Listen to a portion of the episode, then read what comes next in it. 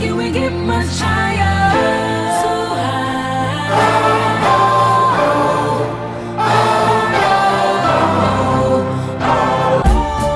Yeah. Yeah. Komið sæl og verið velkomin í lélega fantasy podcastið Ég heiti Guðmundur Felixson og með mér eru Pálmi Freyr Haugsson og Guðmundur Einar uh, Það er hefðið þessum þætti að sá sem var efstur Hann fara að stjórna að og það er það sem ég er að gera Hvað segir strákar? Ég get nú, en langt séðan síðast um fyrir var en ég get alveg sáttur með mitt skor sko. En reyn, nei ok, ég taka tilbaka. Ég er alls ekki sáttur út að ég er bara með rauðar örvar. Ég fer niður í öllum deildónum mínum. Mm. Helvits bjórsmakkaradeildin er að býta mér raskat aftur. Og í heiminum, Íslandi, Game Week 1 Eitthvað svona, þá ég er, fara, ég er bara rauður. Þannig að nei, ég segi ekkert gott En ég var ekkert með mikið verið umferðið þú Nei, akkurat. Ég var með 60-60, hvað varst þú með? Ég er með, ég er með 61 stig. Gena, hvað varst þú áttum? Yes. Erum að spyrja hvort hvað ég segi gott eða hvað ég var með mörg stig. Já. af því ég segi mjög gott en mér líður vel. Ég er að rækta sjálfa mig andlega og líkamlega. Ég er að rækta fjölskyldubönd. Mhm. uh, þannig að ég segi gott. Þá átt þetta að killa í podcastinu fjölskyldubönd en þetta er liðlega fantasy podcasti þannig að við þá er ég með spurning á móti. Eigum við að vera að horfa í baksínu speilin hvernig væri að horfa fram á við af því að það er bjart framöndan Við ætlum, við ætlum að aðeins ég að var með ræða 35 stig. 35 stig, já. Akkurat. Það er rosalegt, það er metið í þessum þætti. Já, Meti að vera lélegur. Já. já, og það er metið, við erum aldrei að fæla í hverjum metið að vera bestur, við Nei. erum bara í hverjum metið að vera lélugur og Já. we got a winner. Tölum aðeins um allt sem klikkaði í þínu liði, Gennar uh, Þú ert með 35 stig í síðustu viku. Um, Þú kaftinaði Bruno Já. sem að ég held að hafa li Ger ekki alveg margir það eða? uh, jú, jú, svona uh, toppurinn var vist meira uh, kaftina Antonio Já, akkurat. Uh, Svo ertu með Sala sem gerði eitthvað og Luke Shaw sem gerði eitthvað. All, Allir hinir Nei, fyrir ekki, Ings var með assist. Já. Allir hinir blönguðu Þú varst með Tsimikas inn á? Nei, Nei, það var já, hún var skipt inn á fyrir Firpo sem var ekki í hóp. Nei, vonarstjarnæðin var ekki í hóp. Nei, það gengur ekkert mjög vel hjá Firpo. Nei, en litla móttan hans er alltaf jafnflott sko þetta, þessi Junior Firpo tilraun er Já. hún búin núna eða? Já, hún er búin. Ok, sorglegt. Þannig að þetta var bara svona áhætta sem gekk ekki alveg upp. Þú kefti leikmann sem er nýr Ég myndi að segja þessi 0, áhætta hafi gengið upp. Ok, af því að það var, þetta var mjög skemmtilegt. Er það? fyrir mig fyrir og mig, aðra. fyrir mig var þetta mjög skemmtilegt. En við mitt gummi talaði um síðast að þetta sem þú varst ekki í hérna, þessa Brighton áhættu sem algjörlega borgaði sig í, í síðustu viku, með þrjá Brighton menn Mhm. en núna fengu þeir tvö stig, eitt stig og eitt stig. Já, og þeir eru allir inn á, þannig að þeir kannski ekki alveg borgaði sig. Nei, nei. Það er svona, það er svona með áhættur stundum gangaður upp. Oftast Oft ekki, ekki En þetta var mjög erfið helgi fantasilega séð þannig að síðast. Já, Það var rosalega ég hef eiginlega aldrei verið að pyrraður yfir fótbolta og yfir Chelsea-leiknum. Já, sko, núna, ég- ok, byrja aðeins. Núna er sko landsleikjarlið þannig að það er Já. vika síðan þessi umferð kláraðist. Já. Ég man í alvörun ekki neitt eftir þessari viku, sko. Sko ég verð bara viðkynna að ég var í alvörinni pyrraður á gumma af því að við vorum að rífast um hvort það hefði átt að vera rautt spjald Já, Chelsea. Sem og mér langar aðeins að ræðum það. Liverpool á, skaut á mark Rhys James varði með hendi á marklínu og það eru reglurnar að þá á að dæma rautt spjald og viti Það er ekki rétt. Það eins og ég sendi, ég sendi yfirferð BBC á þessu Já, ég horfði ekki á það, hvað var það? Eh, Þú last það ekki. Nei, af því að gummi það sem ég er ekki viss ég var aldrei viss hvort gummi var að trolla mig. Já, ég er ekki að af því að það sem hann gerði var alltaf að senda léleg rök og segja síðan case closed. Og það var alltaf Nei. svona mótsögn í þessu hjá honum. Ég sendi mynd af fyrst sendir, atvikinu. fyrst sendir eitthvað það skiptir ekki máli hvort það er viljaverk. Case closed. Og síðan, síðan síndi ég fram á að það skiptir máli. Þá sendir ljósmynd af boltanum að fara í hendina á honum og sagðir greinilega viljaverk, case closed. Þessi ljósmynd síndi augljóslega ekkert um það. Ljósmyndin sýnir að hann er, veist, hann er með hendina Hann er ekki með hendina- stöðu. Já, en sérfræðingarnir eins og Eður Smári til dæmis voru sammálu um að þetta væri ekki rautt spjald. Ok, af því að uh, það búið að leggja niður tvöföldur refsinguna. Á, þar að segja að það sé sjálfkrafa uh, rautt og víti þannig að það þarf að vera viljaverk til að það sé rautt. Ok, en það sem að pyrraði mig við þetta var, þú Mhm. heldur ekki eins og með Chelsea. Af Nei. hverju varstu svona pyrraður? Að ég var þú pyrraður ég í fyrsta lagi af því að réttlætinu var ekki fullnægt. Heyr, heyr. Í öðru lagi af því að þú varst að koma með lélega rauk og segja case closed.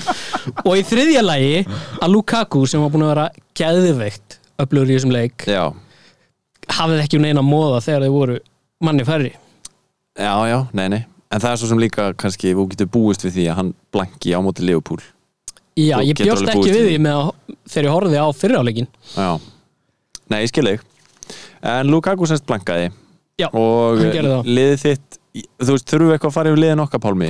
Við getum ja, farið á hundavaði ég kaftina Antonio og eh, þú veist, já, bara flott. Flottir hlutir Já, ég, það sem er að Díaz er að, já, bara vörninn Arnold, eh, Alexander Arnold 4 Díaz, Shaw, vinna vinnuna sína Greenwood skoraði eins og alltaf, Sala annars var bara, já, Tony skoraði og Antonio, já, Já. já. bara vittlist kaftin hjá mér, ég hefði þetta fara Antonio og ég hafði trúið að Fernandes sem var mistök Já, einmitt, þú fórst í Bruno alveg rétt, já Þetta vúlfslið er skrítið lið sko, að, að dæma sko. Held, já, þeir eru erfiðir á þetta var erfiðt captain pick, þeir eru erfiðir á heimaðall en eru búin að vera, æ við fyrir mjög leinið það bara eftir sko. Já, um, ég veist, ég veist ekki törð að tala um liðið mitt nema kannski Tony, maður, var- maður byrjar að missa þólimaðan á Tony en núna uh, hann er komin á blað þannig að maður svona kannski heldur honum í smá í uppbútt eða eitthvað. Mm -hmm. Já, það var mjög góð vika hjá þjögum með ekki? 66 stig, bara mjög fínt. Ertu, ertu grætt neða rauður? Ég er- er grætn í öllum deildum nema þeim sem voru að bætast fólk við og Sko, þetta okkar. er annað sem ég langar að ræða sko. þetta er alveg glata, nú vann ég allar deildina manni í fyrra. Já. og ég er bara komast að því, ég var bara mjög lélugum deildum í fyrra, þess vegna vann ég þær allar. Og hérna og núna vorum við lélugum fantasy-deildina þar sem við vorum fremstir sko Já. séðan fórum við að auðlýsina sko og það, núna er ég bara eitthvað í 13. sæti Já, og, bara því að það er einhverjum að Bara- bætast í hana Já, einmitt, þannig að ég, Ég- bara mæli með að skrási í verri deildir ég held að það sé betra. Ég er í 34. sæti í lélugu fantasy-dildinni Já, það er rosalega slaft af, af ro- 43 sko Já, það er rosalega lélegt Já. uh, Og síðan sko þurfum við að fara eins yfir rævaldeildin okkar. Hvernig gengur þar sko? Heyrðu, já, Það sem að við erum á móti góða fantasy podcastinu. Mhm. sem, og já, já, ég er í öðru sæti í þeirri deild. Já. Það er bara Gunnar úr fantabröðum sem er yfir mér sko. Einmitt, einmitt, hann gengur okkur ágætlega. Ég er í fjórðarsæti sko, eins og, eins og markmiðið í fyrsta hætti var bara, er bara að ná yfir einn af þeim í endanum, vera yfir Já. einhvern af þessum bestu mennum á Íslandi. Já, ég meina ég til dæmis í öðru sæti í sjötta sæti er Heiðmar sem var í, þú veist, fymta sæti overall í fyrra. Og ég er ekki nema tveimur sætum fyrir neðan hann. Já, þú ert í næsta sæti. Er nú, við, við erum nú í, í lélega fantasy podcastina við verðum að venda síðasta sæti líka sko. Já, herru, en sko uh, mér langar bara að ta tala aðeins um geinar hérna. Og það, það var hræðileg vika hjá þér. Og þú ert að fara að valdkarta þetta Já, Það er ótti komin Ég, það, þetta er rétt ákvörðin þetta er, ég meina, það er það eru, bru, það eru brunar það er sko. ekki votti. Vottur. Það er ekki votti. Í liðinu og það er vandamál. Af því að nú er ég bara að taka votta Jehova í lið Það var erfitt að finna á. En það er sko alveg búið að vera að ræða þetta eins í samfélaginu og hérna, þú veist, við fengum senda spurningu bara á maður að valdkarta Já, og það, fólk er svona að velta þessu fyrir sér hvort að núna sé réttu tími til að valdkarta og, og Geinar, þú hefur metið það þannig að það væri réttu tími núna? Já. Ég er með geðveikt lið. En- Það er mjög bjart framöndan hjá mér. Hvað var það í liðinu sem að olliði að þið langaði að, að rífa í gekkin? e, Bara allt eða Junior Firpo. Mm Það er sko, ok, Sansis förum bara yfir liðið, bara örsnögt. Sansis í markinu, það er fínt. Síðan ertu ennþá með Simikas sem er ekki Já. að spila. Þú ert með Brighton Vardamann, þú ert double up í vörninni. Þú ert með White á bekknum sem eru aldrei ekki vel að skila neinu. Nei, og Firpo, þetta er vörnin á svona sjó. Þetta eru alveg þrýr eldar sko. Já. -hmm. Síðan þurfum við að finja Barnes. Og með Barnes sem er ekki búin að vera að komast í gang. Nei, um, Zuma. og Ings sem er að fara í rosalega erfitt prógram Mm Já, það Þannig að ég, ég get Vá, alveg skilið já, það ok. að Ég get alveg skilið að, að valdkarta með þetta lið sko. Já, Já. ekki með Antonio sem allir verða að vera með sko, eða hafa allan að síðustu umferðir Já, en ég er rosalega spenntur Ég held að ég sé að fara á toppin á þessari dild Ok, En þú ert með Lukaku, Fernandes og Sala Það er náttúrulega, ég meina, maður tekur risk. Þegar maður er með þrjá heavy hitters þá er vendarlega restina liðinu mann svolítið veikt sko, í gamla Já, liðinu. einmitt. Já en núna ertu að veldkarta Mhm. Hvað ertu að taka marga premiums? Ég er að taka tvo. Ok, Ég myndi segja að það væri eðlileg tala. Já ég, ég, ég held að það sé betri strategi Annars ertu að dreifa of litlum pening á of mörg stöðugildi. Já. sem sagt, eða þú ert með þrjá premiums sko. En nú er ég sko með tvo premium sem að er ekki það margi með. Það er svo ógeðslega skemmtilegt. Ég er með Lukaku og Ronaldo. Þú ætlar að taka Ekki lækka í mér gummi. Ég ætla að halda áfram að öskra og ég vil að það heyrist hátt. Þú vilt að sprengi. Ég vil að það sprengi hljóð himnutnar í fólki. Svo spenntur er ég Þannig Já. að þú ert að taka inn báða þessa dýru framherja. Mhm. Margir eru að hugsa, ok, ég ætla að taka inn Ronaldo núna og get síðan skipt honum yfir í Lukaku. Þú ert bara, ég ætla að fara í báða. Mhm. Já, Já, ok, og, og, en e, þá ert ekki með mikið pening fyrir eitthvað premium. Þú ert korkið þá með Sala nýja Bruno. Nei, Ok, Það er risk. En já, já, ég reyndar ég held að skiptin Fernandes yfir í Ronaldo uh, séu góð skipti já, það eru margir að fara að púla það núna, sko. En það er nokkla spurning, lausar lofti, spurningar, spurningar lausar lofti. Hérna er sem sagt að hver er að fara að taka aukaspurningar og vítin hjá United? Nú var, eru landsleikir sko Portugal er númer tvo, Já, víti í báðum. Já. Ronaldo tók og víti í einum leiknum og klúðraði því, skoraði reynda tvö mörg en klúðraði vítinu, Fernandes var að taka víti og skora í sittin leiknum sko. Oh og það god. Ronaldo var ekki að spila en ég, Ó, ég býst hann hlýtur að vera bara með því samningnum sínum með eitthvað hann sé að fara að taka víti og ég aukaspurningu ég held að Ronaldo sé að fara að taka sér víti 100% klárlega, sko. En hann er með verði tölfræði í báðum. Er það? já, En hann er Ronaldo. Ha, já það, hann er Þetta er að fara að vera hann er rosalega mikið lógíkin hjá fólki bara varðandi Ronaldo. Já. Hann er, eitthvað, hann, er með veri, hann, er hann er nú ekki með það gott shot conversion rate en hann er samt Ronaldo. Hann er Ronaldo Mm. sko. Mm. Þú ert með Ronaldo og Lukaku en þú ert Já. ekki með Sala þá? Nei, E, Finnst þér það ekki óþægileg tilhugsun? mér finnst það mjög þægileg tilhugsun. Ok, en hvernig ertu með úr Leopold þá? Já, Eh, en það er taka Það er- er tilvísun Sala er náttúrulega bara hérna, Leeds, Crystal Palace og Brentford næstu þrý leikir. Já, Það, ég mjög myndi líða illa þá sko Mhm. Já, en ég meina, þú maður, you win some, lose some en ég meina Leopold er að fara í gegja prógram og þú ákveður að valdkarta og taka engan úr Leopoldin Mhm. þannig að Þú heldur, heldur ekki með það er risk. Nei, Ok, við, ætl, við, erum bara, við erum bara hér til að segja þetta er áhætta. Svo þú getur sagt eh, ég er ekki sammála og svo heldur áfram að vera á ég er mjög ósamála Sjáu þetta lið, þetta er styrla lið. Ég- ég sjáum veit það ekki, við getum ekki séð Send það. okkur mynd Já, af þessu ég skal liði eða senda- eitthvað. Senda ykkur. En segðu hlustendum líka, hver er þriðji strækjarinn Púki Púki, Púki. vá, þannig að þú ert svolítið Það- þungur á framlínunni. Þú ert með rosalega dýrar að þrjá. Eða þú veist, Púki er ekki dýr en, en það, er, nei, beti, það er ekki til ódýrar framherjar. Nefnum eitthvað sem spil ekki. Já, Nei. ok, ok, ok, ok. Þú ert með Ronaldo, Lukaku og En frammi. Púki, þú ert að hugsa sem varamann?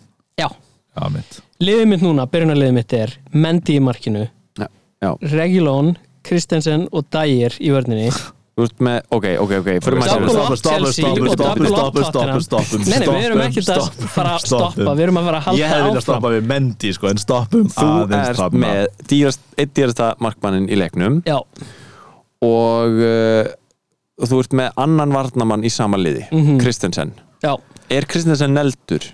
ég held það já. Hann er búin að vera Ok, að byrja á að spila frábæla ok, en þarna komum við aftur inn á þetta sem við erum ósamálum Mhm. að það sé áhætta að taka tvo varnamenn úr sama liði Mhm. sem, sem að ég veit ekki alveg af hverju mér finnst það uh, en mér líður eins og það sé óþarfa áhætta Ég myndi segja eh, það er bara nokkur, sorry ég tók í makinn Erna, það eru nokkur lið, ég myndi segja Chelsea væri í lægi double up sko, Já. ef hann er neldur en Chilwell, hann er ekki búin að spila, hann er búin að mittur eða eitthvað, hann er ekki tjens að hann sé að fara að taka þetta, þetta spot eða?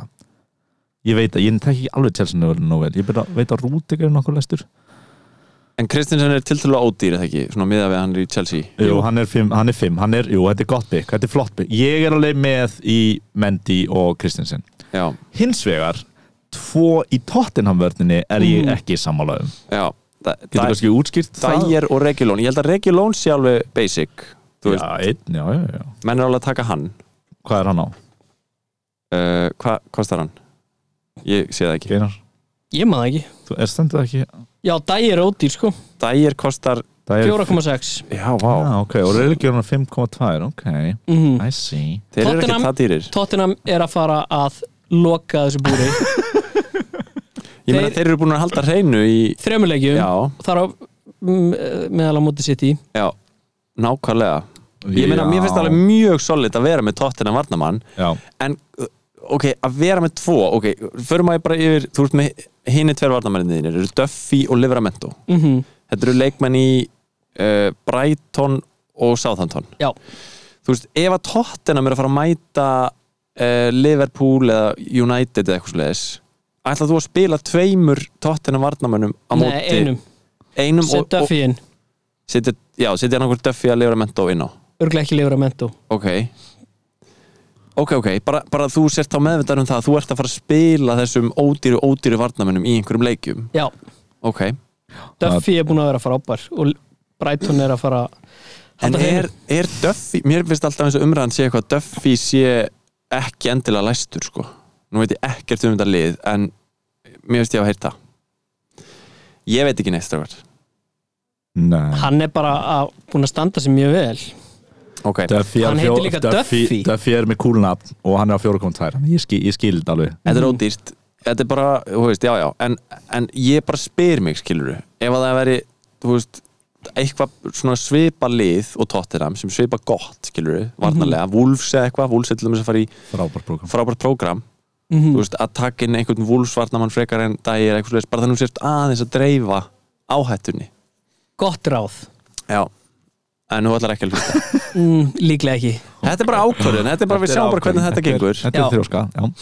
Nú, þú ert bara að treysta á það að tvö lið fái clean sheet í hverju viku og það er Mhm. þægilegt. Já, þurfa bara að hugsa um tvö lið til að fá Mhm. clean sheet. En tölum við miðjuna, út með rosalega miðju. Flott miðja maður. Já, ég meina, eða þú veist ódýr með það samt, ódýr miða, Já, út með Bissúma sem er ódýr, já, en hefur samt alveg verið að hann átti eitt assist og eitthvað. Búin að vera fín já Rafinha, hann er náttúrulega mjög uh, líklegur mm finnst manni alltaf. Um, eiga lítið ekki tóldi erfitt prógram samt eða? Ég veit það ekki. Því. Maður pæla ekkert í prógram nei, þeir eru flott prógram. Já, það er einn næstleikur er já. Uh, svo áttu Greenwood. Mm sko, hefur engar ágjur af því að hafið þið engar ágjur af því að Greenwood sé að fara að missa mínútur uh, þegar Ronaldo er mættu til leiks? Uh, Jú, ég býst nú við að hann fari á kantinn eða þú veist, Ronaldo verður topp og hann hætti að vera main striker, sko. Já, já, um, En hann er búinn að skora í öllum leikjunum búinn að skora alltaf áttamörku síðustu 11 leikjum eða eitthvað svoleið, sko, hann, hann er Þetta er, þetta er ekkit, nei, ég, eða, þú veist, jú, ég myndi hafa smá ágjur af því en, en ég held að hann sé að fara að spila mjög mikið mm á næstunni. Ef að formið hann stettur niður já. þá gæti hann dotti út úr liðinu já, ég meina en þú hann ert er ekki að fara að gera það núna en þá bara hann kostar 7,7 þú ert með rosalega marga góða valkosti á því verði Já. ef að hann ef að sloknar á honum núna sko. Mhm. þú ert með Jota, Jota. og, og hérna eins og þetta er kannski Ferran Torres og eitthvað svona fullt af, hérna, fullt af möguleikum Mhm. ég fíla Greenwood pekið sko og þú ert með Son líka, ég fíla það Já, Svona er smá er hann ekki smá differensalega eru margir með þess uh, Son er í uh, 26% ok, Það er það er svo ekki mikið. Ekki já hann, hann, það voru ekkert margir með hann í byrjun sísons kannski. Kane er sem sagt differential. Það eru, það eru bara 8 bort með hann. Já, en það eru allir bara að kaupa hinn að tvo framherjana akkur núna. Já, Mhm. true. Kane er ekkert búin að gleymast. Hann er ennlega var bara í ruggli fyrstu, hann var ekki að spila skilur. hann ætlaði bara til City og var bara eitthvað á bekknum og eitthvað svona og síðan núna eru bara kom, komin meira spennandi option Mhm. þeir eru sterkari lið og veist, Lukaku og, og Ronaldo og, og allt þetta dæmi sko. Ég elska svon, já, Já. hann er frábært hann er svo likeable, mm hann, er örgulega mest likeable maðurinn í dildinni mm. já, það gæti vel verið sko. Mér langar að knúsa hann okay. eða bara alltaf þegar ég sé hann Okay. Já. já, hann er ofta svona sakleisislegur og svipin mjög gladur þegar hann skorar. Mjög glaður, Mjög glaður, og mjög já. glaður með liðsfélaga sína. Já, hann var líka að skrifa undir nýjan samning bara eitthvað fjóra á samningana sko. Er ég sá reyndar eitthvað vídeo hvar sá ég þetta vídeo, sendu þið mér það? Af Loris að, head, að bara sko öskra á svon Já, Já, það er í Já. en það er á þáttunum. Það er samt ógeðslega flott moment af því að það kemur svona redemption. Já, það sem að þeir Ó, vinna saman og knúsast Ó, og er verða gaman. Hann hellir sér í Ég bara gi- verð að hreyfa mækin. Hann hellir sér yfir hann hérna í hálfleik. Já, og Já. Mourinho segir ég fíla þetta, ég eitthvað hafið hérna Já, Mourinho passion. snýrði upp í bara þetta myndi, hefði ekki gerst fyrir árið síðan. Já, því já, núna viljiði bara meira eitthvað svona. Já. já, er eitthvað svona, hann var nú ekki búin að vera hann í ár. En og sér náttúrulega- nunnur heldur leikinn sko. Já, þau gerðu það og þann, hann, he didn't track back. En þetta er alveg, og þetta sko, ræðurna hjá Mourinho í þessum þáttum eru svo fucking fyndnar. Það er Mhm. alltaf bara eitthvað þeir eru svo næs, að tóttina menn séu næs Nice. Guys don't win. I see a team full of nice guys. Nice guys don't win anything. It's the cunts. Eitthvað er bara að segja að maður er að fá þetta Guys, guys, guys, listen. You need to be a cunt. You need to be a bad guy. Fuck them up And we win. As a team, as a friends As a family Já? Hann er alltaf sko, hann flakkar sko á milli að vera svona bad boy yfir í að vera svona, Family. Já, yfir í að vera svona, þú veist, með svona mikil og falleg values og verður svona gett væmin og romantískur og það er svo ógisla stór stökk í ræðunum hans. Já, já. fuck them up, we kill them we do it as a unity because we love each other. We believe og Mér ég, finnst bara ferðalagi á hreimnum með skemmtilegt. Hann hoppar á milli reyma líka. Allir náður rústneskur Believe in each other. Ég kann ekki reymnans en ég elskaði það er náttúrulega að finnast í heimi er, er í fyrra bífið hans og Solskjær Já, Man ekki eftir mér, já. Ég man heldur ekki því. Ok, þetta er gott útvarp. Já, en þú sagðir fyr, í fyrra Bíþað hans og Solskjær já, það sem hann var að segja Ætlar að útskýra það eitthvað betur eða? já, en ég man það ekki nú. Sko, hérna Geðveikt. Nei, þetta var þannig að uh, Solskjær var að kvarta yfir leikaraskap Mhm. og sagði If my son would do that, I would not give him any food. You don't don't, uh, it's, uh, it's not cool to do, do that. Einmitt, hvort hefur leikarskap hjá Sonne mitt Já, hjá var maður og síðan, og síðan kemur Mourinho með kemur í viðtal og segir It's not good to do like that. Children need to have food. Takk að geða þetta óþálandi high road. Geðveitt óþálandi hærót og líka ekki já og síðan varði þetta einhver svona þeng sonur Solskjær kom fram í fjölumilum og var eitthvað fæður minn gaf mér alltaf nóg að borða sko. Í alvörunni? Jú. Þetta var, hann, hann er sko meme maker og Mourinho. Ge- eins og held að hann var unni sko Chelsea með Manchester United og hann var alltaf að búa og hann farin um völlin og gerir sko hann svona sem hann lætur Heldur við eyrað. heldur við eirað sko eins og hann Mm. heyri ekki er algjört Dick Moore, það er svo bara frábær moment með þessu manni. Í- Ok, hérna, nú hefur maður séð stundum hérna, ó, þetta er svo heimskul spurning. Nú hefur maður séð stundum leikmenn þegar þeir skora mark Já, þeir sussa svona. Já, já. Eru þeir þá að sussa á eh, and, hérna, stuðningsmenn hins liðsins? Já, já, þeir, eru- þeir, þá er þeir oftast þeir eru útivel Já, einmitt Ronny, Ronaldo var mynd fræð Hvernig þóra menn að gera þetta? Þú veist, eru þeir ekki að fá bara heilt krát upp á móti sér? þetta er sko, ógeðslega nett Þetta er alltaf menn Já. sem er að spila sko, fyrir veist, eitthvað 60.000 mann sem hata þá. Ég var að mynda að hugsa sko, með Eið Smára umræðana hann daginn hann að myndbandið kom í ljós ég var að tala um þetta í gufunni um mann hérna um daginn og bara maðurinn er vanur að spila skilur fyrir kannski, það er kannski 60 manns bara að búa á hann alltaf þegar hann er með boltan Já. og bara þetta má ekki hafa áhrif á því annars þetta er bara ekki góður í fótbolta. Mm Og fyrir Já. hann er, eh, þú veist, einhverju nokkri í kommentakerfunum. Who Bara- gives a shit? Og það er líka hvað eður smári yfir eða þú veist bara, þú veist, maðurinn er fótboltamaður og þá Já. erum bara voru vanur því að bara, það má ekki vera já, betur, það hata mig allir, var það leikarskapur hjá mér? Á, það skiptir ekki máli, þú bara vinna vinnuna hérna og oft sko sér maður sko eða svona Arsenal United leikin í gangi sko, fór kannski skoraði Arsenal maður eða United maður. Og bara er bara hérna, veist, með höndinu uppi yeah! og fagna, og það eru bara Arsenal menn á hóttunum, bara gefa honum fingurinn, skilur Já, já, Nýstilur skoraði eins og hann byrjaði að fagna með svona, skjóta svona haglabissu svona út í lofti sem var að skjóta á hann Vardí, Vardí náttúrulega púlaði eitthvað geðvett gott ég held að það hafi verið í síðustu umferð þar sem hann skoraði á móti Wolves og fór upp að Wolves stöðningsmörnum og ylfraði. Tók bara á! Ræðilegt múf Þetta er Já, þetta er samt sko, veist, sko. ég held að þegar þú ert með áhörundur einmitt, að syngjum þið söngu og eitthvað en þú veist, ég persónulega ég myndi örgulega bara brotna og vera lítið límur, ég myndi vera eitthvað eh, fyrirgefið, fyrirgefið að ég, ég, Ég ég ætlaði ekki að gera þetta. En þú veist, það að geta bóðið um byrgin Já. það er svo mikið statement líka bara fyrir andstæðingana þína já, og- já. Herru, en við erum að tala um valdkartið þitt. Já. Við erum Já. bara eftir að minnast á eitt leikmann sem er, þú, þú startar honum og það er Said Ben Rama hjá Vestham Þannig að þú ákveður að fara ekki í Antonio og ferði Ben Rama bara í staðin Ventalega því hann er ódýrari og mm, já, Já, sko já, ég meina, þú veist það er alveg leið til að vera með leikmann í, í Vestham sókninni að kaupa inn Ben Ég Rama elska að Gummi er að segja nei við mig á svo fallegan hátt. Þetta er eins og við varum að brainstorma eitthvað saman. Hei, hvað með að taka þennan inn? Og segja síðan Það er ein hugmynd Það er ein leið til þess að ná þessu markmiði fram. Eh, Það eru aðrar leiði Eða sko, ég er bara að segja það er áhætt að vera ekki með Antonio akkurat núna. Þú veist, hann er alveg svona must have leikmaður. Hann er, hann er 50% með 50% eignar hlutfall uh, hann er búin að vera á eldi. Hann reyndar ekki að fara í eitthvað styrlaprógram en, en hérna, já, ég er bara að segja.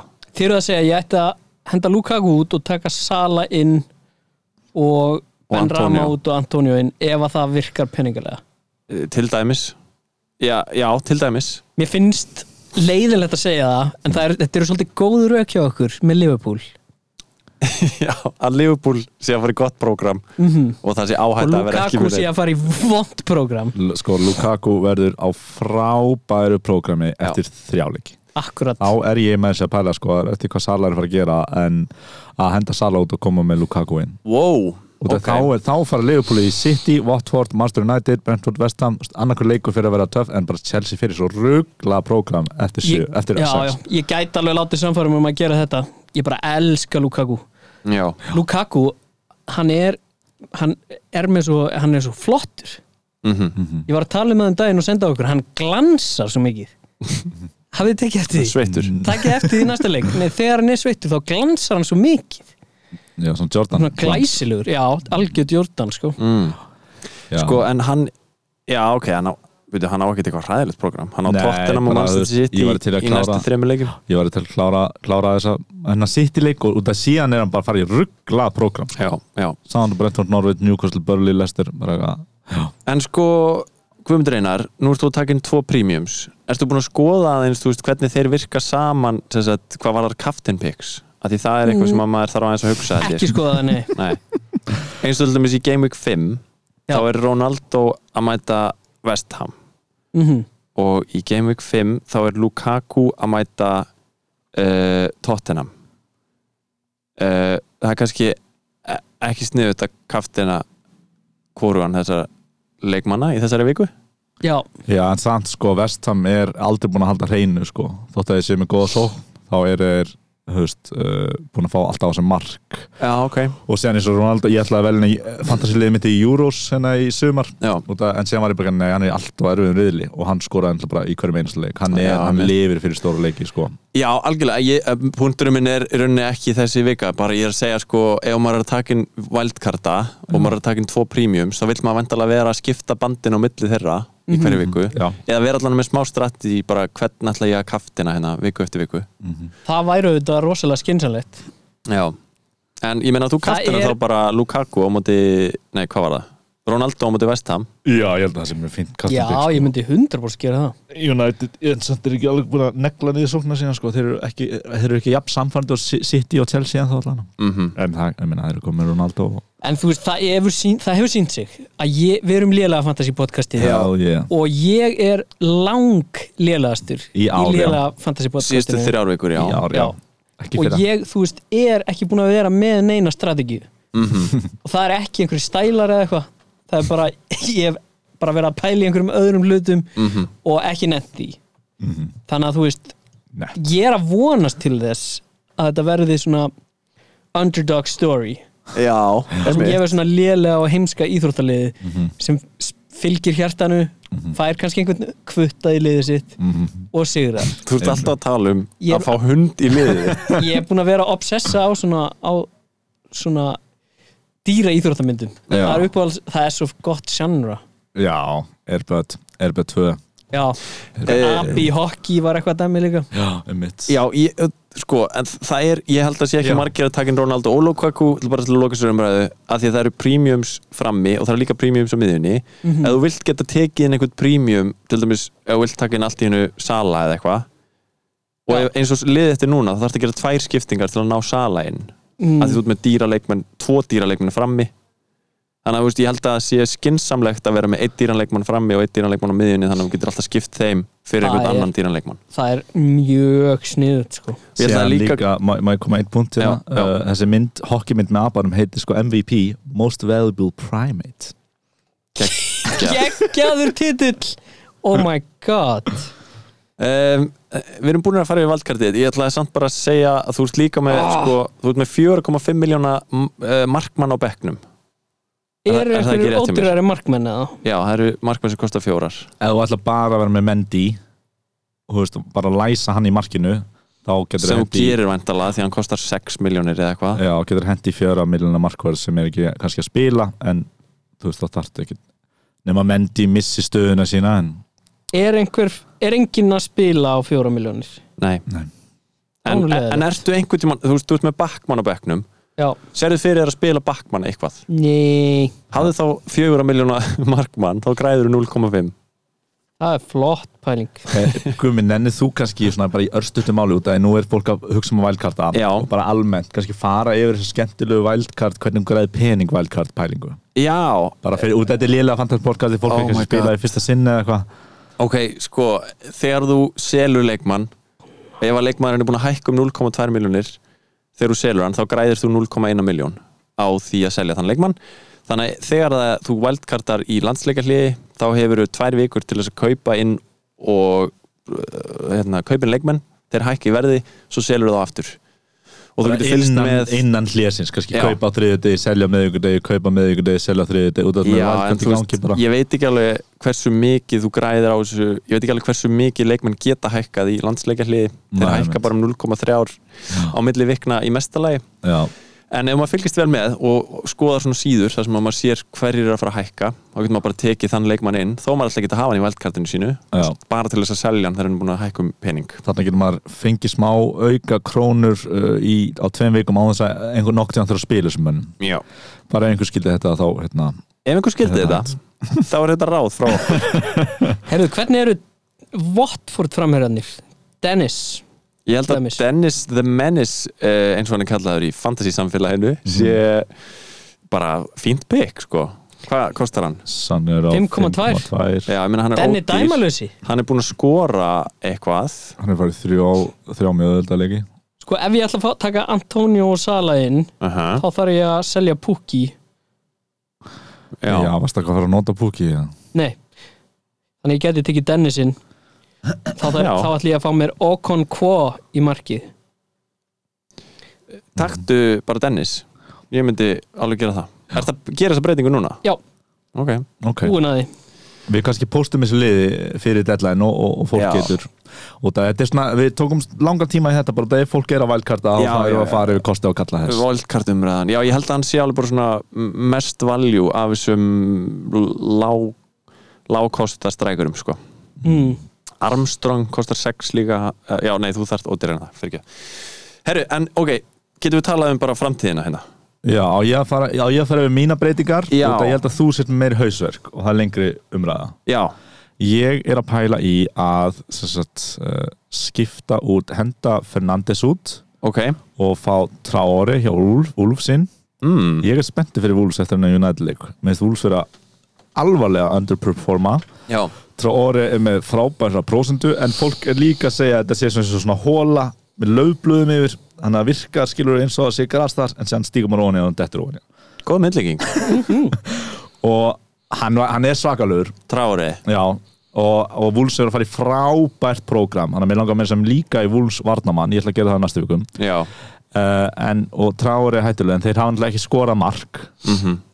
Og hafa tapað öllum leikjunum sem 1-0 en ég held En þeir eru með rosalega hátt XG eins og í þessum fucking Manchester United leik. Já, Þeir voru með 2 XG eiginlega. Já, Eh, United var með hálft XG en unnu samt 1-0 já, og vist svipa var að gerast á, móti Tottenham sko. og þeir voru, ég meina, þeir voru United var að bjarga á línu og bara síðasti sens og eitthvað svona, þeir voru, bara ekki, sko. þeir voru ekki að klára fæna sinni Wolves og nú er þeir farið léttur lið að ég held að Wolves sé, að- sé svona stokk sem er uh, hvað segir maður, lélega Já, bara Underpriced. underpriced og sé núna að fara upp. En er þetta ekki andlega erfitt að vera með Wolves leikmann? Þú veist, eins og bara að horfa á þetta þeir eiga að vera búin að skora tvö mörki sem leik. Bara, bara ég, ég held ekki með Wolves Nei. en ég held náttúrulega móti United. Sjálfsögðu.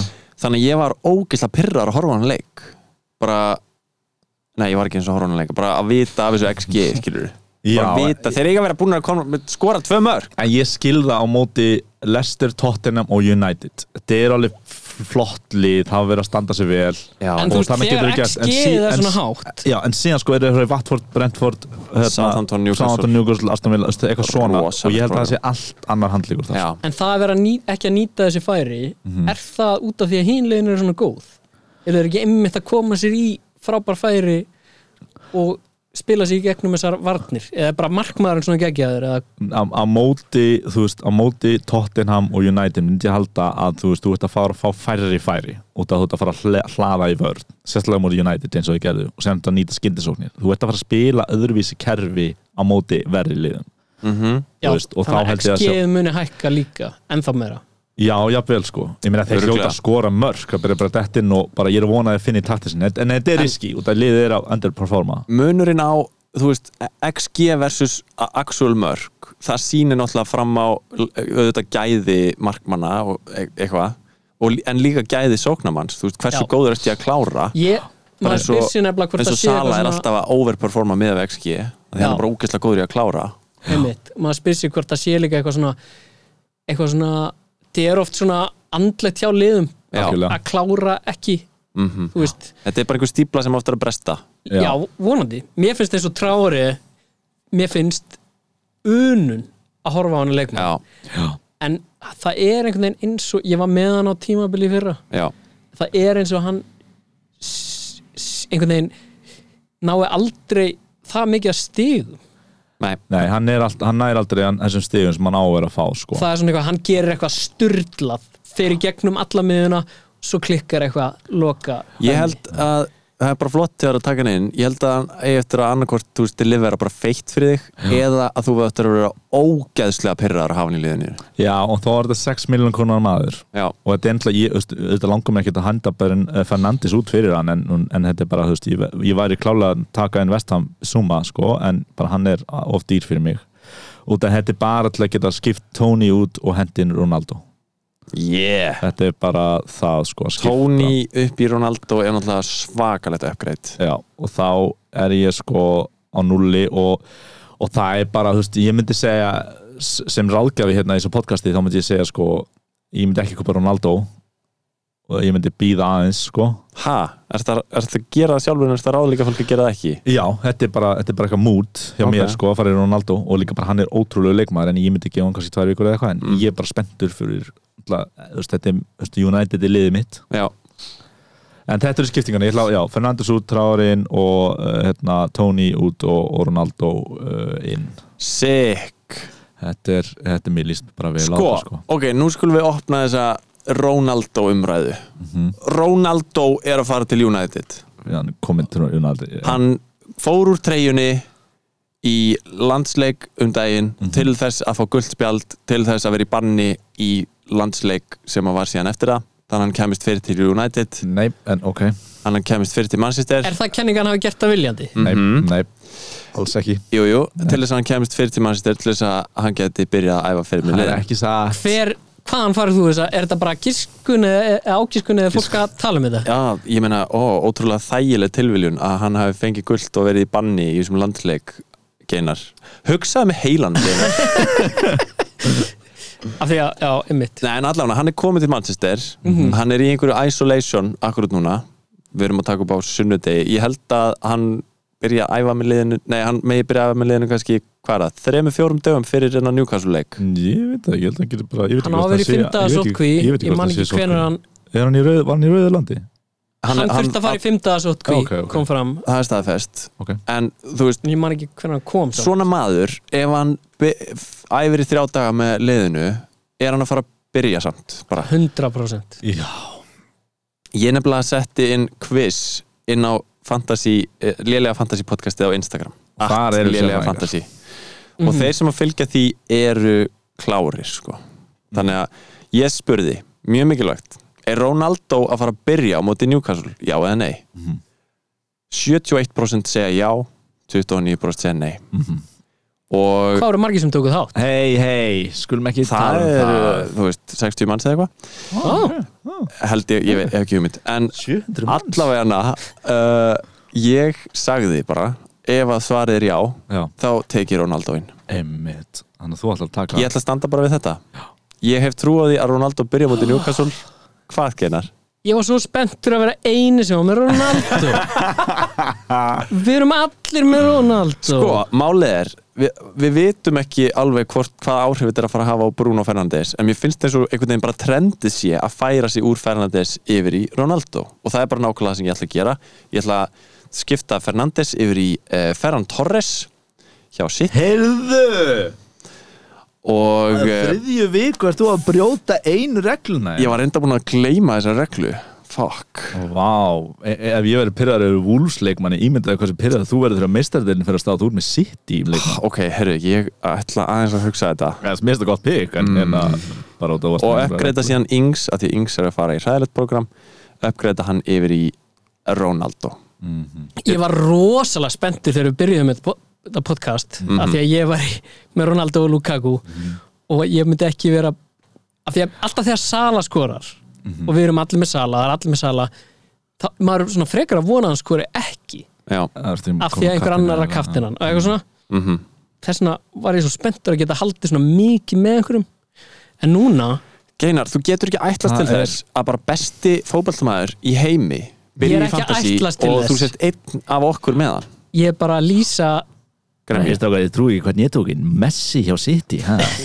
Það er engin með hann já, ég er bara að segja, þetta eru vombrið ok, bara fyrirgeðu Þú verður bara að halda við Lukaku sem er að fara í erfitt program en já, þetta er bara já. sko, málið er nefnilega, ég ætlaði að taka inn hérna Greenwood eða Jota fyrir, fyrir Bruno en núna eru bæði Bruno búin að lækka í verði og Ings búin að þ- það fór allt í rugl. Ég hefði þurft að gera þetta transfer fyrir fimm dögum síðan. Þannig ég náði því ekki, þannig ég þurft að downgreita mm. og mér finnst einhvern veginn Torres vera bara mest spennandi valkosturinn á þessu verði. Já, ég myndi bara bæða vei við erum að tala um þetta núna, ég myndi að ég væri að spila þarna úti, ég myndi býja eftir að allir landsleikinu eru búnir og það er alltaf já, já. einhver meðsli og við erum að taka upp núna bara svo þau hafið smá tíma allir hlusta að eitthvað. Já, ég ætla ég- ekki að gera þessi transfer fyrir bara á föstu daginn sko. Já, ég líka, ég bara, það er alltaf einhver meðsli COVID, eitthvað svona kjæft þannig að ég myndi, já. En það er, það er risk með maður að ta- tapa smá pening á því. En er einhver annar miðjumæður undir 7,5 sem að er spennandi? Já. Sem ég ætti frekar að hugsa um að taka inn heldur en svo ég þurfi ekki að brjóta þessa reglu. Æ, vá, ég er samt bara að brýta þessa reglu. Ég ætla bara að brjóta þessa reglu. Og með sem mount? Herri, byrju, næ ég inn Jóta? Byrju, byrju. Mér syns það ekki. Þú, þú veist ekki um það. Ég er að horfa á þetta fyrir fram mig, hérna. Ég næ inn Jóta? What? Akkurat núna. Það er enginn búin að Ok, en þá er það Sala og Jóta Er það heimskulegt? Nei, nei, það er bara flott. Þetta, hann- sa- sagðist ekki að 7,5 Ég á 7,6 oh, Ok, já, þá nærði honum út hann er akkurat á 7,6 Já, hann hækkaði ekkert í verði. Fuck, nú veit ég ekki hvort ég á að gera þetta Jóta á einhvern landsleik eftir og oh, Strákar, þetta er erfitt núna. Já, já, herru, en ég geri annarkvort Ég hugsi ég geri Jóta inn. Þá erum með Sala, Jóta Ronaldo, Antonio. Þetta er rosalegt lið. Ég meina, Leopold er að fara í fínt f- f- flotta þrjá leiki. Það er eftir hvað Úff, hvað með langar að taka inn Jóta Já, þetta er, Oh. þetta er að fara að gerast. Já, þetta er sérst planið mitt. Já, flott um, Já, við ætlum allir að taka í Ronaldo og það er bara Mhm. hannig ég, Já, sko, já. Fyrir mér er þetta Ronaldo dæmi líka bara svona stemning sko. þú veist, og maður er alltaf með bakkaplanið að downgreita niður í Lukaku ef að hann einhverju hluta vegna verður ekki ógeðsla góður í fótballa Mhm.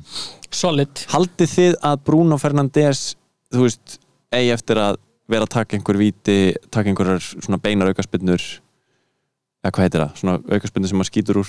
Aukaspinnur heitir það, Heitir það ekki eitthvað? Þú ert bara að taka fram með þér open aukaspinnur ó, en á ennsku heitir það eitthvað svona direct free kicks eða eitthvað. Já, Hann tekur beinu spilna Ég held að Ronaldo takki óbeinu sko, ég, ég held að já Fernandes, ef hann er að fara að vítum þú veist, hann er rosalega dýr leikmaður. Já, þá myndi ég halda að Ronaldo væri betra pekka en minna, ég myndi ekki vera eitthvað að- missa mig að ég þyrfti að vera með nei en, en ég held að Ronaldo sé að fara að verða Ég er nefnilega Þú veist, hugsaði Ronaldo gæti bara orðið svo styrlað pikk með að hann skorar ógeðslega mikið hvar sem hann er mm Hann er markaðist í leikmaður allra tíma Mhm. á alþjóðlega sviðinu Ég er nefnilega ætlaði sko að býða og sjá með Já. Ronaldo en málið er þegar að Newcastle í næsta leik Já. og síðan er planið sko að skipta honum yfir í Lukaku í viku sjö Já. Þannig að ef ég er að býða í eina viku þá er ég alltaf innu bara að kaupa hann fyrir tvær vikur einhvern veginn og það er eitthvað, Mhm. það er eitthvað skrítið finnst mér, Já, maður man langar bara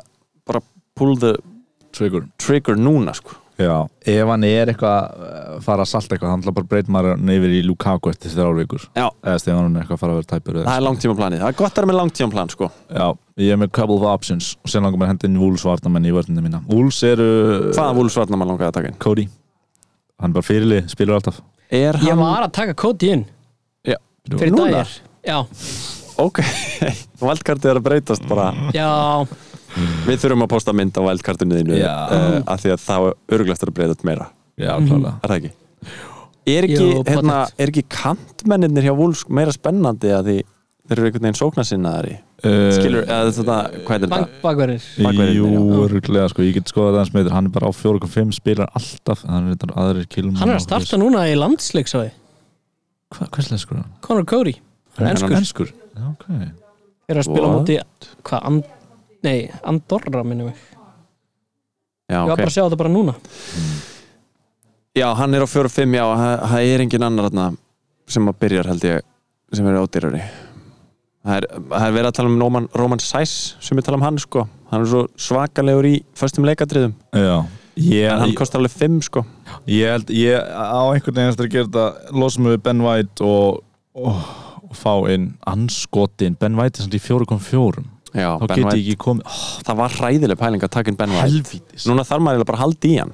Ég ætla að halda í hann bróta, hann er í frábært prógram núna en minn okkar í Wulsmann en núna, að já, þetta er helvítis anskotast jöfull. Er ég að fara í spurningar? Uh, já, það ekki. Er það ekki bara? Jó, Jú, jú, þetta er bara eitthvað transfers frá, í framtíðinni. Sko uh, Sindri okkar vinnur Mm hann er búinn að spyrja okkur um grílis í hverju mennst þetta og hann spurði síðast hvort hann ætti að skipta grílis út fyrir Ben Rama Já, Mhm. og ég man ekki hvað við sögðum en ég heldur um svo að já, hann allavega gerði það ok. hann seldi grílis grílis fekk 8 stig Já, hann kefti Ben Rama, Ben Rama fekk 2 stig ok. núna, og að hann var að fara eftir okkar ráðum sem er náttúrulega mjög heimskulegt. Mm fólk sem er hlustar á getur að fara eftir okkar ráðum. Bingo. en núna er hann að spyrja á ég að gera sömuskiptingu tilbaka Ég, hvað, Torres í Benrama? uh, nei, En Rama í Grelis Ben Rama- Maður er Já, já, í. Ég. Hætt, ákvettið bara einn leikmann og haldið við það, hætt að gera skiptingar. Hætti ekki að skipta segja á sama leikmanni, já. já, já nei, þú veist Og þetta er líka, þú veist, það eru miljón, það eru tvær miljónur á milli þessa manna. Mhm. Við rættum þetta í síðasta þætti. já, já, en hann, en hann spyr sumulegis hvar sæki ég verðlaunin fyrir að vera stigahæstur í umferðinni í lélegu fantasy-deldinni Inn það eru engin verðlaun fyrir að vera stigahæstur í umferðinni sko. Mhm. þetta er þetta Ég veit, það var nú gaman að gefa það Hva- Í hverju Í hverri einustu umferð? viku að- að finna einhvern í þessu Við getum gefið Geina sér um það Nei, við getum sungið lag fyrir hann já, og sendt í podcastinu? Nei, bara Já. persónlegt lag. Pers Já, til dæmis sendt honum á Messenger lag sem við syngjum. Ok, Ef að ákveða það að það séu alltaf velun Það þurfum alltaf að finna manneskjum sem við er í þurfum að skrolla í deildinni gegnum alla sem er í og deildinni. finna á Facebook og senda manneskjunni óumbeðið lag. Já, til dæmis. Nei, nei, bara pæling sko. Sindri, við sendum þér lag. Mhm. um, fólk er að spyrja hvort það er valdkarta ég meina, mér finnst góðu tími að valdkarta vera í viku sjö minni mig, eða átta. Ég, þetta fer alltaf Þá- eftir byrja Chelsea í rosalegu prógrami og það fer alltaf eftir liðinu skilur. ég er bara ánaði með mitt lið og, og þá Já. er stúbundið á vælkarta en ég er með eh, hva, hvað myndir segja margir Sko, eldar til já. að vælkarta? Geinar, þú varst með svona fimm elda í liðinu, cirka var, var það ekki svona cirka þrýr varnamenn eða svona 15 elda. Eða það. Það eru bara 15 Men hvað helstu mörgum leikmann sem voru í liðinu fyrir? uh, bara Lukaku? Lukaku en Ég myndi- hann ég myndi segja, ef þú, ef þú getur gert skiluru alla breytingar sem þú vilt gera fyrir kannski mínus fjóra eða eitthvað og, og sleppa því að valdkarta kannski mínus átta þá myndi ég sleppa því að valdkarta en ef þú ert að fara að þurfa að gera fjóra skiptingar eða eitthvað þá bara auðvitað valdkartaru Já, svo fjóri, fimm eldar, þá myndi ég vælkarta og svo er líka mjög mikilvægt að einhvern veginn að ekki veist, rífa ofljótt í gikkin bara eitthvað leikmaður skoraði ekki stig í tvær vikur. Já, en þú voru líka að geta greint ok, þessi leikmaður er líklegur til að delivera maður mað fæ líka svona tilfinningu og maður er bara ekki með Antonio nú er ég með hann reyndar og maður, maður hugsa bara eitthvað, ok, nú ég er bara eftir að sitja eftir út, ég er ekki með einn leikmann en það er voðsælt sem einn leikmann er bara allt. Já, Það maður verður er samt líka aðeins að vera fljótar að bregðast við sko, og Já, klálega, en þú veist, ef þú ert ekki með Antonio þá ertu vantalega með einhver nefnum þú sett bara með eitthvað bara einhvern sem er ekki að gera neitt. Já, já. En ég myndi alveg bara segja að það væri ein, ein, eitt áhyggjadriði Mhm. af þú veist, fjórum sem þú þarfst að hafa til að vældkarta eitt af þessum áhyggjadriðum meikar alveg sens að sé bara ég er ekki með Antonio. Já, að það sé eina af ástæðanum fyrir vældkartinu Já, já, já, en ef það er bara, bara að fólk einmitt sé svolítið bara staying their course. Ef, ef stefnan er fín, skilu, þá ámar átt lélegar vikur Mhm. og, og, og inn á milli, sko. Þólinn maður er mikilvæg í þessu líka? Mjög. En við erum samt sammála ákvörunni þinni að vældkarta Klálega. Já, uh, Hér er spurt á ég að setja uh, hérna, Luke Shaw út og Luke Eiling inn til að búa til pening? Eitt Luke út og annar Luke inn til að búa til pening? Hvað hva er þetta grann með ekki pening á því? uh, Shaw, Já, það var bara eina miljón já. Uh, Þú græðir eina miljón Já, sko um, uh, Leeds er farið fínt prógram eftir næstu viku. Luke Shaw er Sjó er mjög gott fantasy asset þó hann sé ekki búin að vera að delivera. Nei, og hann er að fara í shaky program. Já, já, minna, ef ef þú sér þá getur fjárfæst þessa miljóna mjög góðan hátt. Eitthvað Antonio dæmi, þá já. Ég myndi alveg, alveg selja það Er Eiling ótrúlega erfitt að átta sig á þessu. Í fyrsta lagi hvort að United sé að fara að halda hreinu Mhm. þú veist, það gæti alveg gest en þeir gætu líka bara að vera að fá á sig mörki í öllum leikjum. Og sama með Leeds, þú veist, menn er að tala um eins og bara í vellinum þú veist, þá voru allir sammála um eitthvað að Leeds væri að byrja illa en mundu mundu delivera. Já, já, það er En maður veit það ekki, en, en þeir eru nú ekki lið sem að heldur mikið hreinu. Eh, nei, mjög lítið. En sko Og svo spyr ég lí, líka með sjó að því að Ronaldo er að koma inn er ekki sjó að fá svolítið af fantasystegum út á það að hann er að koma með krossa inn í teig og Ronaldo er akkurat maður sem þú vilt að sé skalla. að taka á móti þessum krossum það er mjög góða punktur. Og líka sko þeir eru komið hana Vali, Valieri hérna í vörðina Varan, Varan í vörðina og Nalati þá, þá eru komnir með alveg frekar frábæra fjóramanna vörð sko. Mm það er, Já, þetta, þeir gætu verið að fara að láta í lás. Ekki það að prógramera sé frábært sko. Nei, ger heitur. Þú veist, mér, já uh, ég myndi bara, ég myndi halda það í sjó kannski núna þegar ég segi þetta. Já, en þú veist, þetta er náttúrulega eftir hvar þú dreifir peningunum ef, ef þú þarft miljón í eitthvað eitthva mikilvægar ef þú þarft til dæmis miljón til að ná einn Antonio eða eitthvað svo leiðis, þá myndi ég alveg segja já, þú veist, worth it að downgrade sjó, en ég er mjög ánæður að hafa sjó í liðinu mínu og ætla að gera það áfram, sko, halda honum aðeins. Einmitt. Um, frábært ráð frá okkur Já, en ekki hlusta það. Já. Hér er spurt, hvort haldið að Ronaldo eða Bruno taki víti í United? Ég held Ronaldo. Já, ég held það líka. Þó að hann sé með lélera rekord það er bara það mikil stemning að Ronaldo taki vítin. Já, þú veist, ég held að hann sé bara eitthvað þannig leikmannum, bara mjög egocentriskur, vill vinna Golden Boot, skilur hann hann er að fara að fá sjöuna, eða ekki? Jú, Jú. Hann, hann er búin að fá undan þá að fá sjöuna. Ég er búin að skipta númer. Meina, hann er bara að koma og láta kórun á hausina á hann er ekki að fara að segja eitthvað já, takk, þú þetta víti Nei, hann er ekki hans það er genum sko. Mjög, mjög eigingjarn maður líka sko. áhugavert status munurinn á þeim. Já, veist, af því að Bruno er með geðveitt háan status, geðveitt kokki en Ronaldo er idolans Já. hann postaði mynd á Instagram þar sem hans var í einhverju Ronaldo treyju að horfa á leiki, sáðu þetta ekki? Nei, eitthvað svona hann sem barn að að sína að Ronaldo væri idoli sitt og eitthvað. Byrju var Bruno Fernandes að horfa á Ronaldo spila sem barn? Væntanlega, hvað er Ronaldo er 36 ára, Og hvað hann var getur verið- 16 ára þegar hann fór til United? Það er svo 17 17 Hvað er Þannig að Bruno það eru- gamall? Rúna, hvað er hann ekki, svona 10 án mingur hana eða eitthvað Ronaldo Já, er sko einmitt. 36 ára. Ronaldo er fokkin gamall. 36 ára? Og sko framherji. Þú veist, Og eru markverðir eru gamlir Er hann 85 mótil? Það kann ekki neina reikna svona hátt sko. Jú, hann, er- hann er 85 Já, en við allan höldum að hann Bruno er taki 10 vítin ára mingur en hann. Þannig að hann- þegar Ronaldo var 17 ára Já, að slá í gegn, þá var Bruno 7 ára. Vá, pælið Frá því. Portugal í besta liði heimi þá. Já. Og hann er ekkert að fara að eitthvað taka á honum vítin Nei. af þessu legendi um, Herru, þannig að við höldum En hvernig er með þú veist eins og, eins og bara ef að það er aukaspinna rétt fyrir utan teig? Þú veist, Bruno er búin að vera að taka þessar aukaspinnur Sko Ronaldo er legendary lélugur í aukarspinnum Hann það? er nettur í þeim. Hann, sko, hann Ég- er prósendans er hræðileg sko, en hann er nettur að gera það. Þannig aftur, egoið er bara það stórt sko. Hann er ekkert eitthvað að fara bow down gracefully, ég held að hann sé bara að fara að taka þetta allt sko.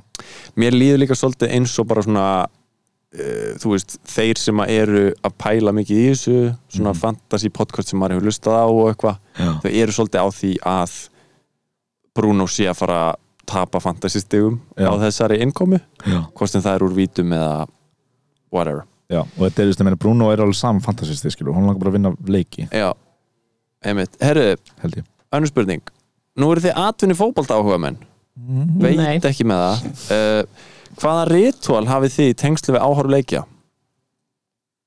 Uh, ég með, var með mjög skemmtilegt ritual í fyrra, þar sem ég fór eiginlega alltaf heim til þín Mm. að leika við sonðinn og horfa á United-leiki. Já, það, var svolítið sætt mjög skemmtilegt. Það var ekki mjög sætt samt að þú sagðir alltaf að hann heldur með United hann er alltaf gallharður hérna, United maður og heldur upp á Martial eins og ég. Hann á Liverpool galla sem hann er reynda búin að stækka upp úr núna og það er, var það er það tilviljun gummi? Hann hafi stækkað upp. búðunum. Já, Hann er alltaf að senda var- mér SMS þegar Leeds vinnur Alltaf einhver svona einhver svona En ég memes. sko Hann er eins og svona alltaf. ég, Mhm. hérna, hann, ég klæddi hann alltaf í Liverpool gallan þegar það var Liverpool leikur og það var svolítið svona svolítið svona spádómur í því að ef hann kúkaði í Liverpool gallan Aha. þá var Liverpool að fara að skora Ok, wow. þannig að það gerist alveg nokkur sinnum sko. Rábært. mm Það er geðvitt Já, það- og uh, þá gæti maður að vita sko. og ég held já, einmitt, við prófum stundum eitthvað svona að segja eitthvað svona, er Jota að fara að skora? Og ef hann gaf frá sér eitthvað svona jákvætt ljóð þá var hann búinn að spá því rétt. Emmitt. Ok, Þetta, já. hann er svona eins og hvað, múrmeldýrið? Já, Groundhog þetta er- Day Mér lókar rétt að taka fram taka enna Martial-vaktina hérna, eins og ég ætla að gera í hverju viku. Hann kom inn á í síðast leik, var feskur er að stíða upp meðslum, það hata hann visslega allir Mm. en hann var að skora mark í frans með franska landsliðinu í vikunni þannig að kannski Return of the King the true king of Já, Manchester. veistu, ég held núna þegar Ronaldo er komin í liðið akkurat núna er momentið þar sem Martial er að fara að fá fleiri mínútur. Mark my words, eða eru hugraug takk inn Martial, þið sjáuð eftir því. Herðu, og loka spurningin hérna, nú á Arsenal auðvelt prógram framöndan á ég að þóra að spila Ben White? Þetta Mm. spyr Sindri okkar maður. Sko, Ég myndi segja nei. Hvaða prógram verður þeir þetta ge- Norwich, Burnley, Tottenham, Brighton Crystal Palace, Aston Villa, nei, Leicester Watford, þeir eru að fara í mjög þægilegt program sko. Ben White er náttúrulega að stíða upp úr COVID líka sko. Já, Arsenal eru líka bara búin að vera óendanlega já. En eru þeir ekki að underperforma með það sem við búumst við að þeim? Þú veist, þetta búist ekki því að þeir slá í met að fá mörg mörg á sig og verið síðasta sæti dildinni, sko, eins og eru núna en prógramið er líka búið að vera vá, nei, fyrir ekki, þeir stöðbuð 2-0 og búið Brentford. Uh, en svo, þú veist, Chelsea og Manchester United, nei, Manchester City. Og Já, vissulega, en þú veist, sko. þetta er samt þeir eittu langmest af öllum liðanum mm og þeir eru með markatöluna 9-0 í mínus. Þeir eru ekki með neitt stig. og þeir eru búin að spila hræðilega. Þetta er ekki góður tími. Þú veist, þjálfarinn þeirra er væntanlega undir geðveikri pressu. Mm það er ekkert þú veist, það er engir slakir og sjálfsörugir hana Þetta er basically næsti leikur. Ætli það sé ekki bara svona síðasta tækifærið fyrir allt þetta Jú, Þú örglega veist, Norvits heima. Já, svona reykan því fjóra leiki eftir að hann er búin að eða þessu pening eða þú veist, Og er það ekki hefð fyrir því eða? fjórir. Já, mm, Býtu, það hæ, er hann bara búin að Já, ertu að minna á sísoninu? Já, þú veist, væntalega ef hann fær trösti yfir sumarið þá er bara, ok, við kaupum þetta sem við hefur áhuga á reynum byggjumlið í kringum þessa hugmyndafræði þína eða eitthvað slags mm En ég er að segja Ég bara að þeir heitt tapa undir fyrir. Norvits heima. Já, Ég held að þetta sé svona eitthvað Herðu, ok, ég treyst á þig Þú veist, stjórnin. Já, Gerði þetta, við, við gerum þetta sem hann já, Og svo drullar hann á sig já, Eftir að, þú veist Fyrir að setja, það er Fjárastæðan er ekki góð hjá neinu liði. Nei. Ég held að menn séu ekki með neitt tröst sko, ef þú ert með eitthvað sumartraust og keppir fyrstu þrjáleikina við Chelsea og City sem eru sker í lið, bara svo Barcelona og Real eða eitthvað þá, þú veist, ég er ekki að segja að hann fái 20 leiki en ég held allan kannski 6 leiki eða eitthvað. Og ef Ok. hann heldur, ef, bara, ef hann bara skrútapar á móti Norwich og Burnley mm og þetta heldur svona áfram þá held ég það sko. Ég ég allavega myndi ekki láta vætinu næsta Ég leik. myndi ekki þóra því nema að þú sést tilneittur bara þú átt engan annan. Já, eða skilur við, það er, er líst bara mjög illa á prógrami hjá einhverjum öðrum. Það er, Já. lið, lið er ekki beint grænt fyrir þér á prógraminu ef þú ert í síðast sæti sko. mm ha, þú veist, þeir eru í síðast sæti í deildinni og nú eru ekki að Norvits en þú veist, þeir eru bara svo lélegir. Já, ég, já, ég bara halda þið frá Arsenal uh, mönnum uh, bara í nokkur umfyrir sko. ángar til við sjáum að þeir eru kannski að detta í gang. Já, finna taktinn Geggjað, uh, herri, við ætlum að gera þessi transfers já, ég meit lið. Já, fyrirgeðu, fyrirgeðu hérna, já, við erum búið með þetta. Já, við ætlum að velja hérna tagline fyrir þáttinn. Já, akkurat. Eru þið með Við þurfum að drög? ákveða uh, tagline. Já, Lélega fantasy podcastið. Ég, ég er með, dra, ég er með hugmynd sko. Geggjað. Ok, viltu ekki segja hana fyrst? Og það er ólíklegt að ok, ég skal segja eitt. Ok, já. Lélega fantasy podcastið Lélegir í podcasti og lélegir að gera tagline. Ok, Ok, Guðmundur Einar, þú með eitthvað? ég er með Lélega fantasy podcastið. Mm -hmm. Góðir í að vera vinir Mm Lélegir í öllu öðru. Wow. þið segið þetta svo Þetta var mjög sætt. Ég var búinn að hugsa þetta áður sko en ég kom. Ok, Ég var- góðir að vera vinnir en lélegir í öllu öðru. Já, ok, uh, ég er með lélega fantasy podcastið. Því þegar allt annað klikkar klikkum við líka. Já, já. Lélega fantasy podcastið. Ekki hlusta á ráðin okkar. Já, bara búið. Heyrðu, ég er með hugmynd. Við, við hendum þessum fjórum frábæri podcastum inn á, inn á Instagram. Þessum frábæru ég? Slagarum. Já, já, já. Eða slagarum Ætlum við ekki að riffa fleiri eða? Jú, jú, við, við ætlum að henda hann og leggur dáltu við hérna atkvæðagreislu Ó, látum við kjósa. og séðan eru riðilar og séðan eru tvö í loki Fáum allir Riðla kepp Fáum allir að setja inn eina tillögu Já. og látum kjósa um það. Einmitt. Lélega fantasy podcastið. Lélega fantasy podcastið. Taglænið er Lélega þetta fantasy. er Mm. geðveik hugmynd. Þetta verður mjög ruglandi í atkvæðagreislunni Hvað með? Lélega fantasy podcastið Alveg eins og fantabröð nema ekki ah, ég var ekki búin að hugsa þetta. Lélega fantasy podcastið. Alveg eins og fantabröð nema lélega fantasy podcastið. Nailed it! Vá. Ok, lélega fantasy podcastið. Gott báðum megin. Hérna það sem við erum að taka upp og heima í stofu Stutt og laggott Þetta gæti unnið A dark horse. Lélega fantasy podcastið. Svartur hestur, hvítur hestur Allir vinir Gaman. Gaman? Já, Hvað með bara eitthvað svona kvót í fótboltan Þú veist, hérna Lélega fantasy podcastið. You have to be asshole but also family. Já. Það er mjög gott. Lélega fantasy podcastið. You'll never walk alone. Nei, nei. Ok, hugsa um þetta. Já, Ég sé að koma með fleiri. Ég ætla að setja Bannað að hugsa, bara segja lélega fantasy podcastið og svo koma með slagurðið Þannig brainstorm virkar allt best. Lélega fantasy podcastið Því fótbolti skiptir máli og fantasy, sk- þetta virkar ekki vel hjá mér. Þetta virkaði svo vel hjá mér. Lélega fantasy podcasti. Snammi, nammi, nammi. 50% afsláttur af nammi bar hugmynda. Sko, ég elska að Geinar heldur að vera confident sé bara öskra í mikrofónu Lélega fantasy podcastið. Þegar þú helst og getur ekki orðið verri í fantasy þá finnur þú podcast þar sem fá- þáttastjórnendur eru verri en þú. Stutt og stutt laggott. Þetta verður bara skamstöðuna þessu. Lélega fantasy podcastið. Gummi, Pálmi og Geinar velja lið í hverju viku og tala um það hvaða er lélegt og fá spurningar. Og sá sem er efstur á stigum fær að byrja podcastið. Stjórna. Byrja Þetta var flott. Það sé að rífast inn í podcastinu. Inn í slókaninu. Já, já, já, já. Getum við fengið einhvern sponsor til að vera í taglænun okkar? Lélega fantasy podcastið Alveg af gott og sprætt Það er samt ræðilegt Lélega fantasy podcasti. Alveg jafn lélegt og homeplest Ég er með homeplest uh, Lélega fantasy podcasti.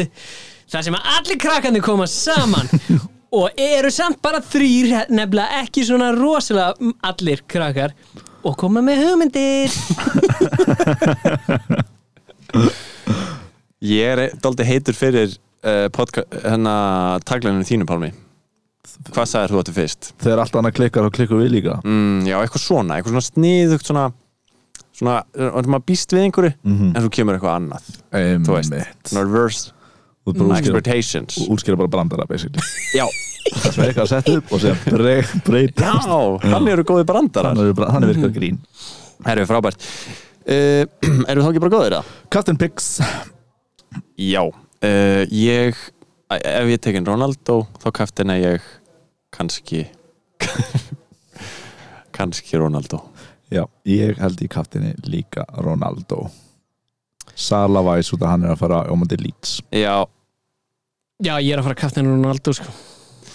erum við bara allir að fara að gera það að kaftina leikmann sem fær þrjá daga til að æfa með liðinu sínu yep. Er ég Sem bara ofugsað mood. þess að þrjá daga? Ég eins og ég segi, ég myndi ekki taka hann inn Nei, ég var að sapna stigum En þetta er bara mood Þetta er bara stemning Bara Stemming og stemning að kaftina líka Stemming, já, þetta er núna eins og ég segi Ég ætla að spila með heilunum til að vinna þess að fantasy. En nú ætla ég að spila, þetta er hjartað. Þetta er hjarta að tala sko. Mm Þannig að við ætlum allir að taka inn Ronaldo og við ætlum allir að kaftina Ronaldo. You bet Já. your ass Lélega fantasy podcastið ekki reyna þetta heima. Slogan time! Ekki reyna þetta heima. Wow. Lélega fantasy podcastið ekki reyna þetta heima að því þú getur fengið léleg stig í fantasy. Og að útskýra brandarann, I like it. Herru, erum við ekki góður að bara? Uh, Jú, Takk fyrir samverjunarstrákar, sjáumst uh, í næstu viku. Já, takk líka þeir sem voru að hlusta. Já. Takk fyrir að hlusta á okkur, bye. Bye